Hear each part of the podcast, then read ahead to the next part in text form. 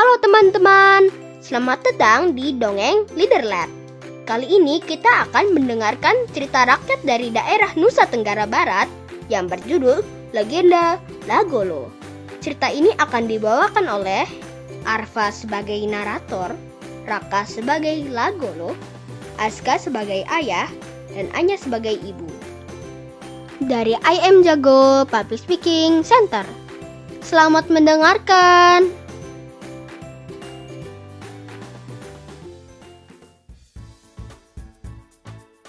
Di sebuah desa kecil, hiduplah sepasang suami istri yang dikaruniai anak. Telah lama mereka menanti kehadiran sang buah hati. Terlahir seorang bayi lelaki yang tampan dan lucu. Anak itu mereka beri nama Lagolo, yang artinya adalah pembuka jalan.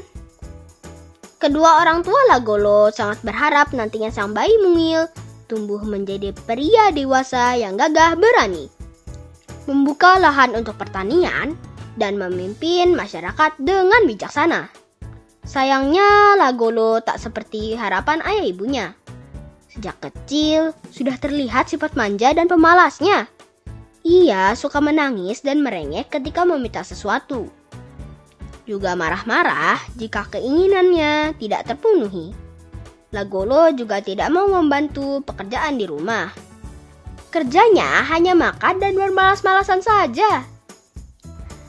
Dahulu, kita beri ia nama Lagolo dengan harapan agar saat dewasa nanti membawa golo atau golok. Keluh ayah pada istrinya suatu malam.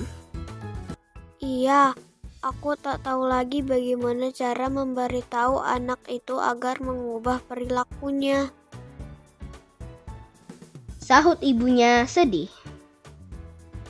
Di desa, Lagolo terkenal sebagai anak nakal. Suka berkelahi dan mengejek anak-anak lain. Orang tuanya sangat malu karena hampir setiap hari ada penduduk desa yang melaporkan kenakalan putranya. Berkali-kali mereka mencoba menasihati. Namun Lagolo tak berubah juga. Semakin dewasa, tingkah lakunya semakin sulit diatur. Tibalah masanya berburu. Usia Lagolo tepat menginjak 17 tahun. Adat di desa tersebut mengharuskan anak laki-laki usia tersebut untuk memulai berburu.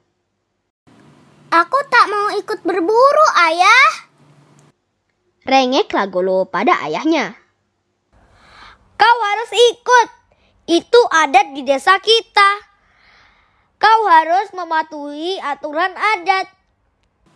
Tapi Aku tak suka pergi masuk hutan, apalagi harus berlari-lari mencari hewan buruan. Lebih baik aku tinggal di rumah saja, Ayah. Kalau kau tak mau berburu, maka kau harus menghadap kepala adat untuk menerima hukumannya. Seluruh penduduk desa pun akan memandangmu sebagai pria lemah dan mengecut. Apakah itu yang kau inginkan, nak? Ujar ayahnya. Dengan perasaan kesal, Nagolo pun akhirnya ikut berburu. Dia tak punya pilihan. Kepala adat akan memberikan hukuman keras bagi pelanggar aturan desa. Demikian pula semua orang di desa. Mereka akan menghinanya seumur hidup. Keesokan harinya, Lagolo pun bersiap-siap mengikuti ayahnya dan pria-pria desa lain untuk berburu. Mereka menyiapkan busur, panah, parang, serta senjata lainnya. Sejak pagi, sang ibu pun sibuk di dapur mempersiapkan nasi dan lauk pauk sebagai bekal mereka. Rombongan penduduk desa berangkat menuju hutan sebelum matahari terbit. Hutan tersebut sebenarnya tak terlalu jauh.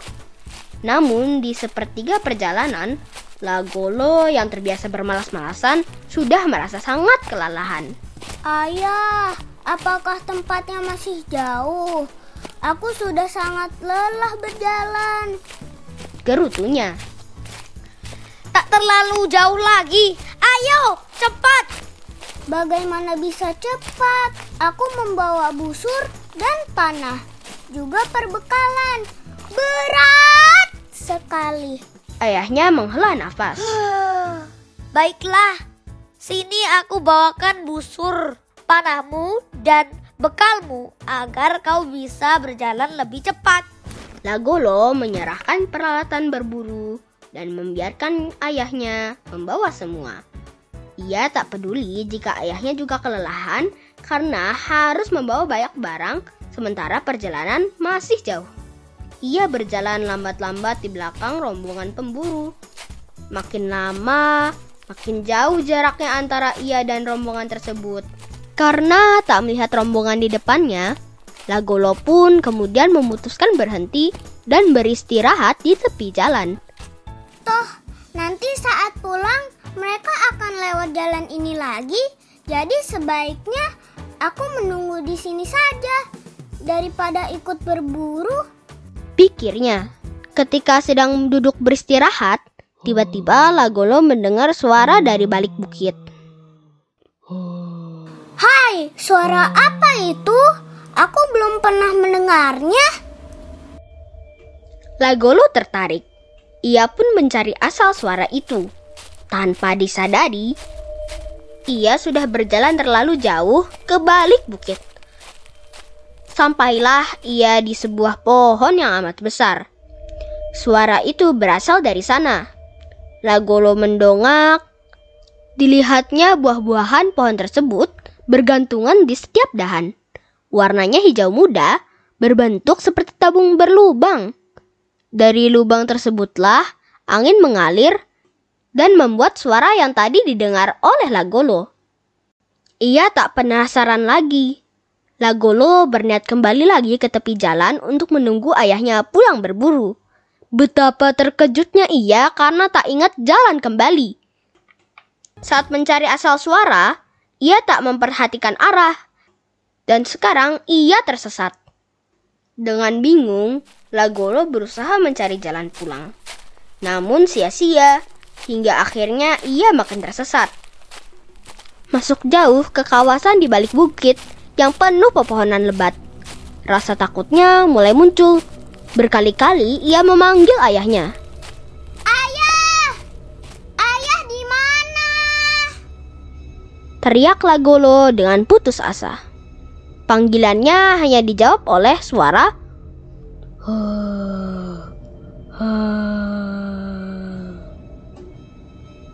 dari buah-buah tadi.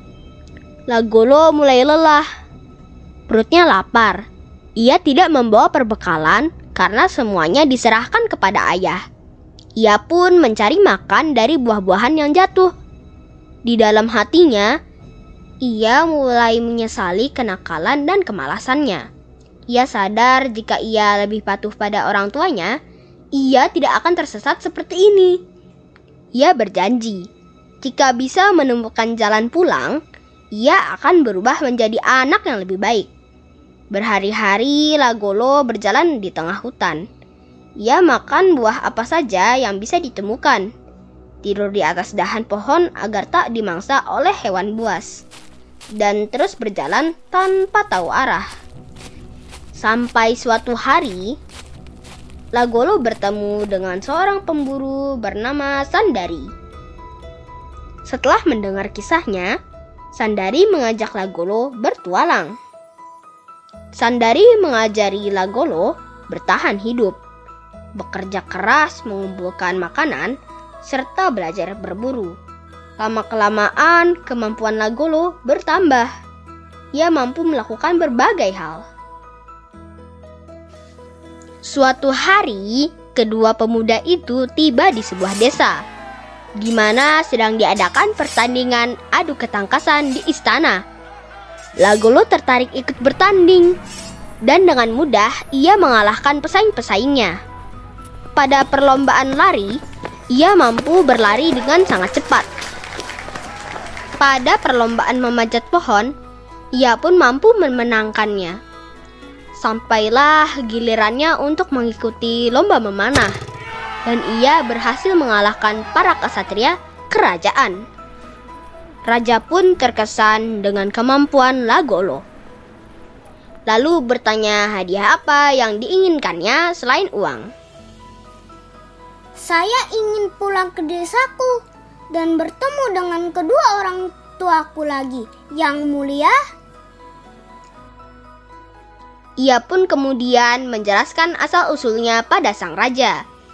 Raja pun memerintahkan pengawalnya untuk mencari desa asal Lagolo.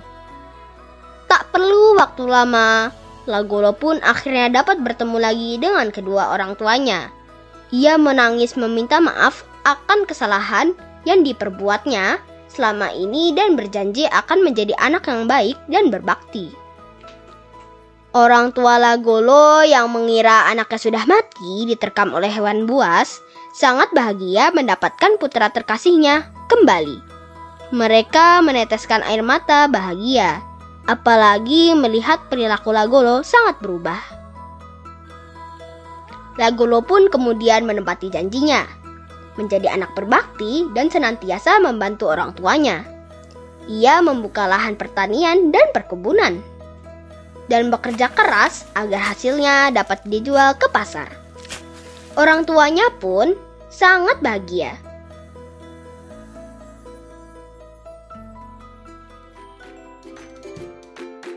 Demikian cerita legenda Lagolo. Sampai ketemu di dongeng Leader Lab selanjutnya. Jangan lupa kunjungi juga podcast Ayam Jago Channel. Dadah!